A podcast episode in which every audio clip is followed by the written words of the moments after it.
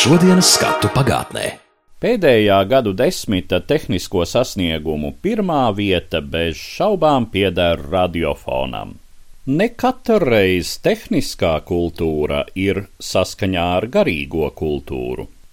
Daudzi tehniskie izgudrojumi ir nesuši cilvēcei daudz posta, kas tik spilgti bija redzams pasaules karā bet radio ir viens no tiem faktoriem, kas cilvēcei nes tikai svētību, kas vieno tautas un kuru ar pilnu tiesību varam apzīmēt kā gara kultūras izplatītāju un veicinātāju. Mazajā aparātā katram klausītājam ir vairāk kā burvība. Tur ir tautas augstskola, koncertzāle, parlaments, avīze, deju un simfoniju orķestris, baznīca, sporta laukums. Viss, kas vien viņu var interesēt.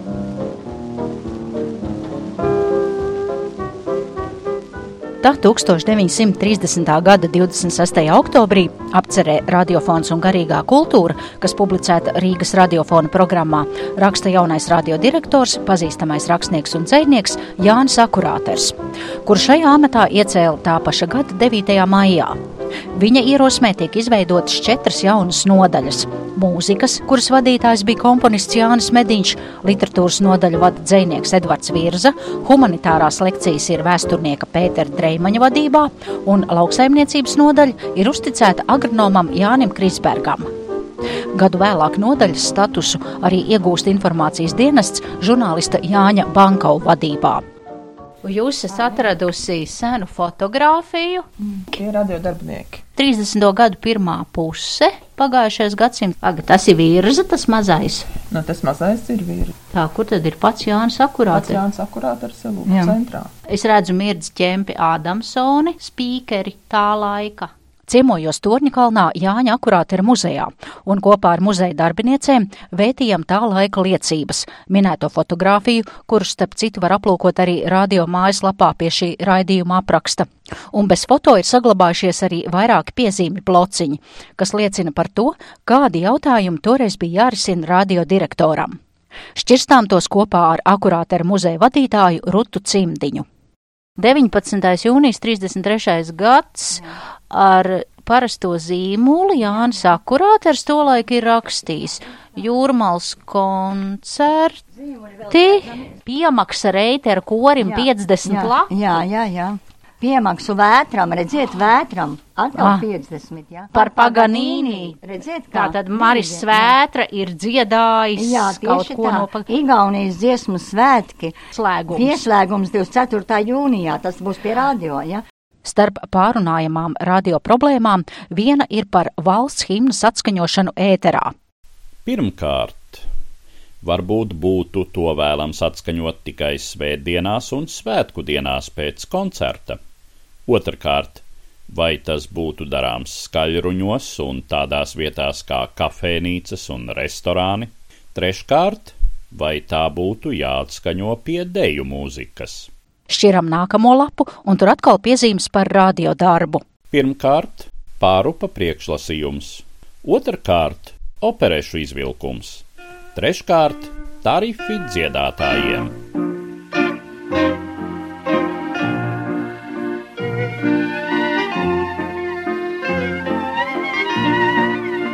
Radiofona direktora postenis sakrīt ar laiku, kad Jānis Akurāters ar ģimeni no pilsētas centra pārvācis uz kluso torņa kalnu, kur 1933. gadā tika uzcelta koka savrupmāja. Par to, ka Rīgas burzma ir nogurdinājusi dzēnieku, iespējams liecina tajā pašā piezīmju blociņā starp radio pienākumu piezīmēm rakstīt dzējols, kas ir veltīts Blaumaņielai, kur tolaik mīta akurāteri. Naktī drausmi blāvā, laikam kādu kāva. Iedzīvotājs uztrūkās, spļaudījās un krustījās. Lejā autorēca, žīts gultā sēca, dziedāja kāds krogus brālis, noskanēja svilpiens tāls. Ak, tu vecā Rīga, cik tu nemierīga, aizmigt jau vairs nevarēs, bārdu dzīt drīz vajadzēs, agri gaismausa, sētnieks ielu rausa, balodīši dūdoja, balkoniņu sūdoja. Radio Zaķis. Savulaik slepens radio uztvērēja ierīkotājs. Bet stāstījumu par Jāni Akurāteru un viņa piezīmēm turpina muzeja speciāliste Maira Valtere. Tāpēc viņa blociņos, kas ir par šo laiku, līdzās dienas aprakstiem, kur ir plānotā sanāksme, par ko tur vajadzētu runāt. Līdzās ir arī kvītis par mājas vajadzīgo lietu pirkšanu, un, un tur cementu, un vēl nesko pirkšanu, un arī kā dzējolīts. Nu, piemēram, kā tikko lasītais par Blaumaņa ielu, kas ir pilsētas centrā, un pēc dzējolīša var just, ka tā Blaumaņa iela un tas pilsētas centrs viņam ir galīgi, galīgi jau apnicis. Tad tad viņš meklē māju pārdaugavā. Vai kaut ko no savām radošajām izpausmēm, tai laikā, kad viņš bija radio direktors, viņš nolika malā Jānis Akurāters? Šajā laikā iznāk ceļoja krājums neatrastā, tiek gatavotas lugas. Es domāju, ka šis nav tas laiks, kad kaut ko tā ļoti būtiski akurāters atliek. Jo viņš jau ir jau pieradis būt gan sabiedriskajā darbā, jau īpaši no Pirmā pasaules kara laika, gan būt savulaik pa mākslas departamentu vadītāju. Tā jau ir jau pieredze, jau sapratne vai kāds organizē to laiku, lai, lai būtu gan radošai dzīvē, gan sabiedrībai. Īss bija Jāņa Akurātera darba laiks radiofonā. 1934. gada 16. jūnijā šai postenī ieceļ tā laika režīmām lojālāku cilvēku Arvīdu Smilgu. Tas bija saistīts, protams, arī ar tā laika politikas dzīvi, jo akurāters bija demokrātiskā centra pārstāvis un radiofons viņa vadībā nonāca arī demokrātiskā centra, nu tā kā varbūt ietekmē vai neietekmē. Katrā ziņā par to satraucās tad, kad akurāti ir atstādīti no radiofona direktora amata. Viņam, pareizāk sakot, prasa uzrakstīt atlūgumu. Jo viņš ir šī demokrātiskā centra pārstāvis, bet tajā 34. gadā pēc Ulmaņa nākšanas pie varas par radiofona direktoru vai kādu no zemnieku savienības. Tā kā tas varētu būt viens no nu, tādiem arī tā laika, tomēr Jo tas vēl bija partiju laiks, tas 30. gadu tāds pats sākums, un arī tam bija sava ietekme. Akurāters ir sarūktināts par šādu atlaišanu un savā dienas grāmatā raksta, ka viņš ir izvadīts atriebīgā kārtā bez atvaļinājuma, kas parasti tiek dots augstākiem ierēģiem, kad tie aiziet no dienesta. Un iemesls tam esot, ka dzēnieks pats ir uzrakstījis atlūgumu, un tādiem, kas paši atlūdzas, neko nemaksā. Bet tā laika presē, konkrēti avīzes pēdējā brīdī 1934. gada 1. jūnija numurā, lasām šādas rindas. Kā jau vakar ziņojām, Rīgas radiofona vadītājs dzēnieks Jānis Akuraters atlūdzies no amata. Šai amatā viņu iecēla 1930. gada 9. maijā toreizējais satiksmes ministrs Friedrichs Ozoliņš. Pēdējais valdībā reprezentēja Demokrātisko centru. Arī akuraters bija visai redzams Demokrātiskā centra darbinieks un jaunāko ziņu redakcijas loceklis. Daudzi cerēja, ka akuraters, kā nacionālais dzēnieks, arī radiofonā plašākos apmēros piekops nacionālo mākslu un kultūru. Izrādījās, ka tas tomēr nenotika. Radiofonā gan biežāk varēja dzirdēt demokrātiskā centra biedrus, vai arī tur reprezentējās centram tūstāvošas personas, bet redzamāka nacionālās propagandas darba tur nevarēja saskatīt. Sevišķi no laukiem nevienreiz vien pacēlās balsis, kas protestēja pret internacionālajiem šlāgeriem radiofona programmā un prasīja latvisku programmu. Cerams, ka šīs balsis tagad tiks vairāk ievērotas.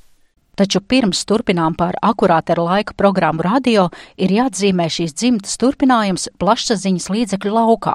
Proti Jāņa akurātera mazdēls Jānis Viesturs Osis savulaik darbojās Lietuvas radio. Bet redziet, cik interesanti sanāk. Un viņa mazdēls, taču Viļņā tomēr arī savu karjeru attīsta radio. Un Viļņā jau rādio un televīzija ir kopā. Un mazdēls Viļņā vada Viļņas rādio un televīzijā klasiskās mūzikas nodaļu. Jānis Viesturs Osis, Laimas akroteres dēls. Viņš pats pārtulko Blaumaņa tekstus, tā skaitā Jāņa akrotera tekstus, Laimas akroteras tekstus, Aspazijas tekstus, pat Raini. Un tad Latvijai īpašos datumos, piemēram, 18. novembrī, tiek atskaņoti teksti un autori, kurus Latvijā nevarētu atskaņot. Bet viņi skan Lietuvas rādio un televīzijā. Reiz radio. Radiofons ir viena no jaunākām Latvijas valsts iestādēm. Lai arī kādus laikmetus mūsu saimnieciskā dzīve ir pieredzējusi, radiofons ar vien ir tikai audzis un progresējis. Ir audzis abonentu skaits, un nu pat jau viņu ir sanācis 49 tūkstoši. Radiofons viņa abonentiem Latvijā ir vislētākā kultūras un mākslas iestāde. Tādēļ zemkopji, strādnieki, ierēdņi, skolnieki, jaunatne pamudiniet savus draugus kļūt par radiofona abonentiem, un visa plašā pasaule, un arī šaurākā dzimtene, būs pieietama tiem viņu mazajā istabā. Tā atkal Latvijas radio 8. pastāvēšanas gadā, 1933. gada novembrī, raksta Jānis Akurāters. Bet tagad raudzīsim, kas tolaik skanēja radio programmā, un to atcerieties lūdzu mūsu radio vēstures pārzinātājam, ilgadīgam mūzikas redakcijas darbiniekam Oļģertam Šustam. Nu, Tolaik es biju pirmsskolas vecuma puikiņš, vēl tikai pirmajā klasē sāku iet ap 34. bet radioklausītājs bija gandrīz no šūpuļa, kas man palicis atmiņā no tiem laikiem ir. Akurāt tas laikam ieviesa vingrošanu, cik es atceros 32. gadā programmā arī tas bija drukāts, un, kā es lasīju vēlāk, šai vingrošanai pa priekšu trīsreiz nodziedājis gailis. Un kā lasīju, tad viens no smalku mehāniķiem Kuzņecovs Rīgā esot dresējis savu gaili uz pavēli, lai dzied. Un kādu rītu gājis uz radio, un gailis skaņu platē iedziedājis savu dziedamo.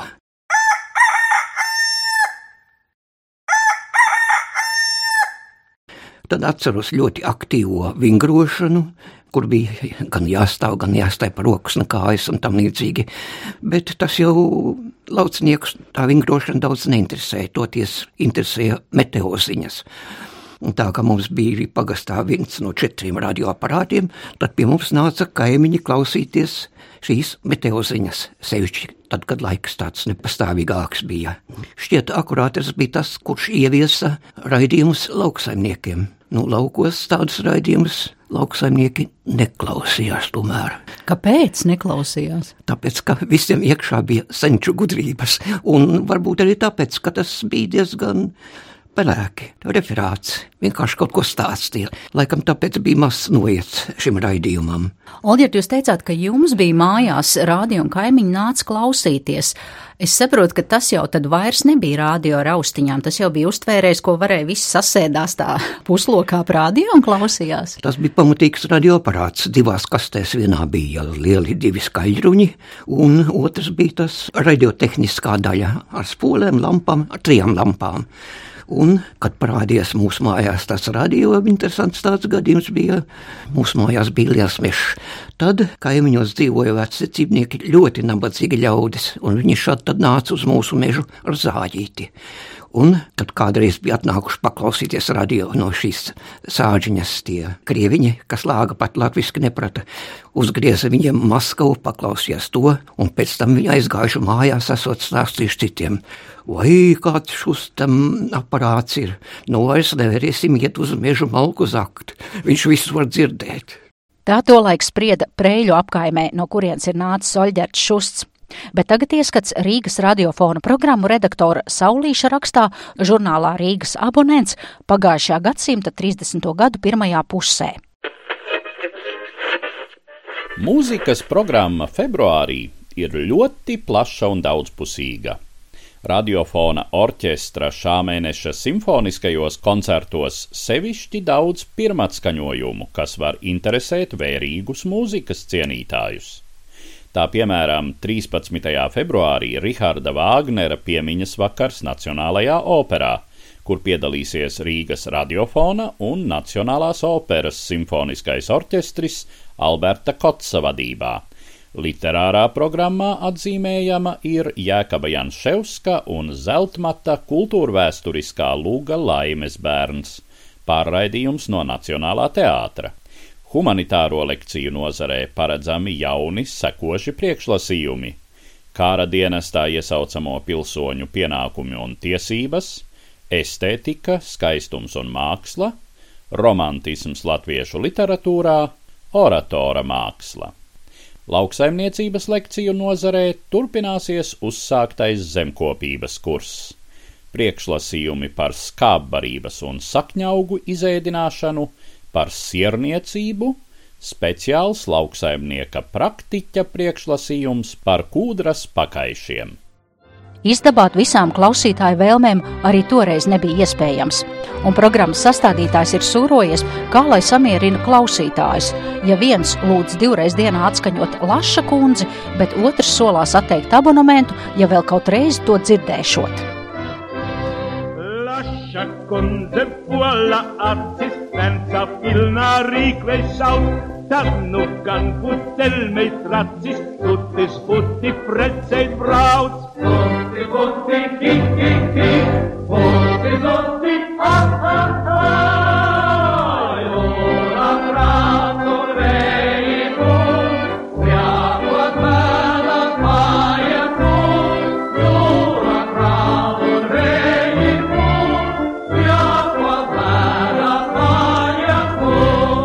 Runājam par Jāņa akurāti ar uh, laiku radio un par mūziku, kas toreiz skanēja. Man akurāti ar muzeja darbinieci parādījušas paša literāta piezīmes, tad, kad viņš bija radio vadītājs, un tur ir rakstīti honorāri reiteru korī. Mēs pieņem, ka reiteru koris daudz toreiz dziedāja par radio. Bet kas vēl? Retrikūrs ļoti daudz dziedāja. Nu, dzīvojos raidījumos mazāk, bet skaņu plates jau toreiz bija izdziedāts daudz.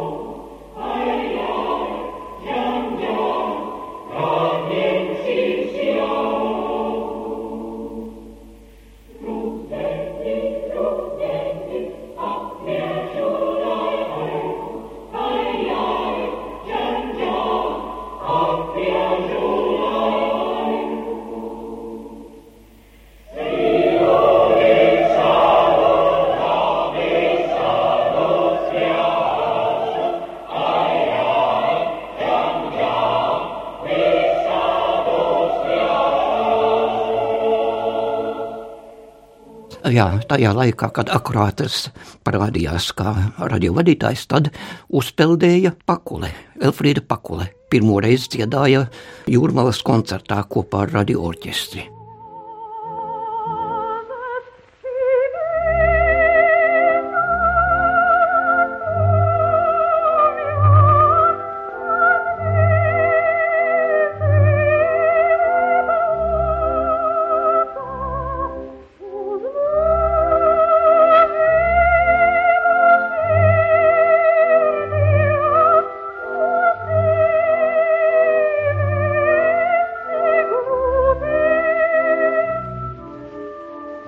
laukos ļoti iecienīts bija tāds, tāds neliels raidījums ar trijotni.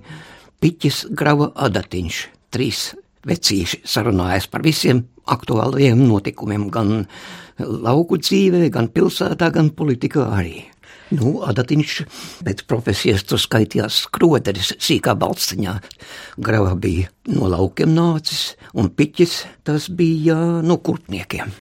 Diemžēl mūsu fonotēkā nav saglabājušies nulle minētie ieraksti, bet atmiņas par puikas gadiem šajā raidījumā ir aktierim režisoram Laimonim Siliņam, aktīvam latviešu skatuves darbiniekam svešumā, San Francisco mazā teātra dibinātājam. Lūk fragments no 2013. gada sarunas, ko ierakstīja kultūras rondo vadītāja Ingvilda Strautmane. Tā es vienmēr saku 34. bet varētu būt ar 35. jo es biju pamatskolas pirmā klasē Tajā laikā es sāku Olga Matisone Hartmane. Bija mūsu skolotāja 12. pamatskolā Maskavas forstetē, un viņa taisīja tādu mazu runas korīti, ar kuru mēs piedalījāmies rādiofonā. Mans teksts bija redīsiņi, salsmaizīt un sviestiņš, mīlēt to pats dieviņš.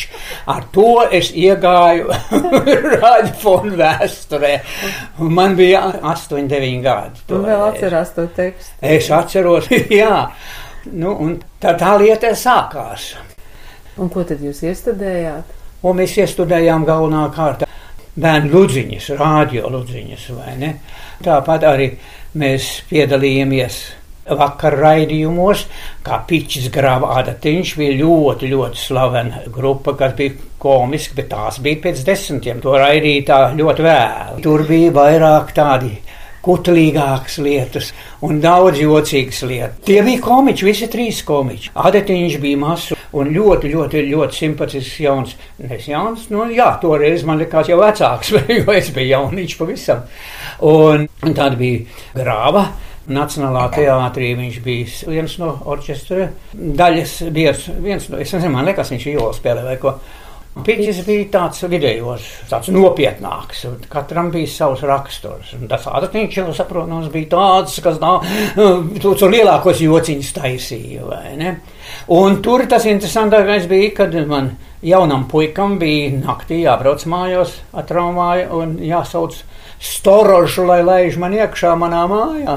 Drusciņi bailes bija, bet man toreiz bija tikai kādi desmit gadi. Es dzīvoju mazā palisādes ielā, kas ir otrā puse dzelzceļam, mm -hmm. jau pie suņu dārza, respektīvi sliktajā rajonā. Un tur bija drusciņā jāuzmanās. Ar to arī skan atmiņu kaleidoskops par literāta Jāņa akurātera darbības laiku radio. Raidījumā dzirdējāt Latvijas radio vēstures pārzinātāju Oļģētu Šustu, akurātera muzeja vadītāju Rutu Cimdiņu un muzeja speciālisti Mairu Valteri un tekstu ierunāja Eduards Liniņš, bet raidījumu veidoja Zane Lāce. Gailis ļoti izplatīts maiputns, savulaik iedziedājis radio rīta vingrošanas signālu.